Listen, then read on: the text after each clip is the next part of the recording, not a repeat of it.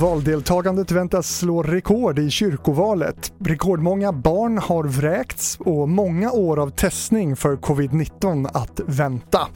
Det här är TV4-nyheterna som börjar med nyheten att Miljöpartiet kan lämna regeringen om Centerpartiet får igenom sina krav på stärkt äganderätt i skogen och uppluckrat strandskydd. Det öppnar språkröret Märta Stenevi för i GP. Hon konstaterar att frågorna är extremt viktiga för partiet och beskriver dem som hela vår anledning att vara i politiken.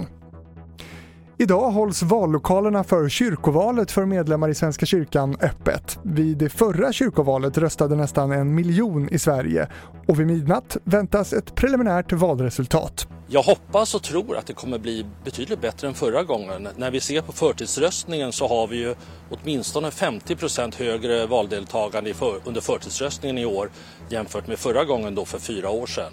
Det sa Jan Hermansson, ordförande valnämnden och kandidat för Borgerligt alternativ. Under första halvåret i år blev 273 barn av med sina hem genom att föräldrarna vräktes. Detta är den högsta siffran på sex år. Analytiker på myndigheten säger att den höga siffran beror på att många som redan var ekonomiskt utsatta innan pandemin nu har fått det tuffare.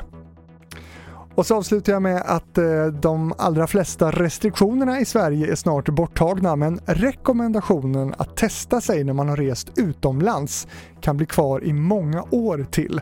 Det säger statsepidemiolog Anders Tegnell till Dagens Nyheter. Bland annat handlar det om rädslan för att nya virusvarianter ska sprida sig som gör att Folkhälsomyndigheten vill ha kvar den rekommendationen vid inresor.